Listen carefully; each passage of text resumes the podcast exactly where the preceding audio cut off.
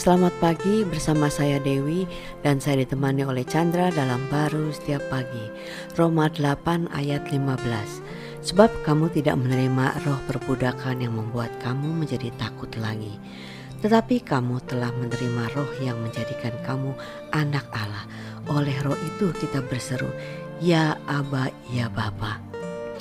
Wah ayat ini sungguh sangat uh, menguatkan kita ya bahwa kita perlu diingatkan lagi bahwa kita itu sudah bukan di bawah perbudakan lagi.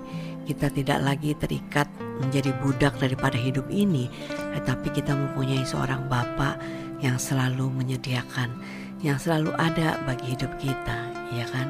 Iya, ini luar biasa ya orang berpikir sering kali eh, perasaan takut ini karena dia tidak punya ini, tidak sanggup itu Ya, padahal ada kekuatan yang lebih besar hmm. yang di mana dia tidak mampu atasi ya Betul. di dalam hidup ini. Maka itu dinamakan roh perbudakan itu, roh ketakutan yang diperbudak kita itu dalam uh, dosa dan kematian itu, ya kan? Uh, sehingga nggak bisa keluar. Hmm. Uh, maka itu uh, diperlukan penebusan Kristus. Penebusan Kristus itulah yang membuatkan kita punya kuasa menjadi anak Allah.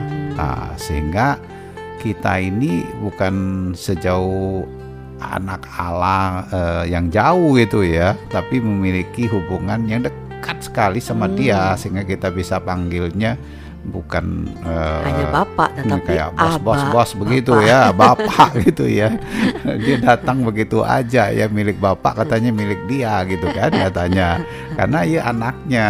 Hmm. nah, tapi rohnya ini uh, hidupnya dia itu memiliki satu hubungan yang sangat luar biasa. Sehingga apa aja yang kita hadapi dalam hidup ini?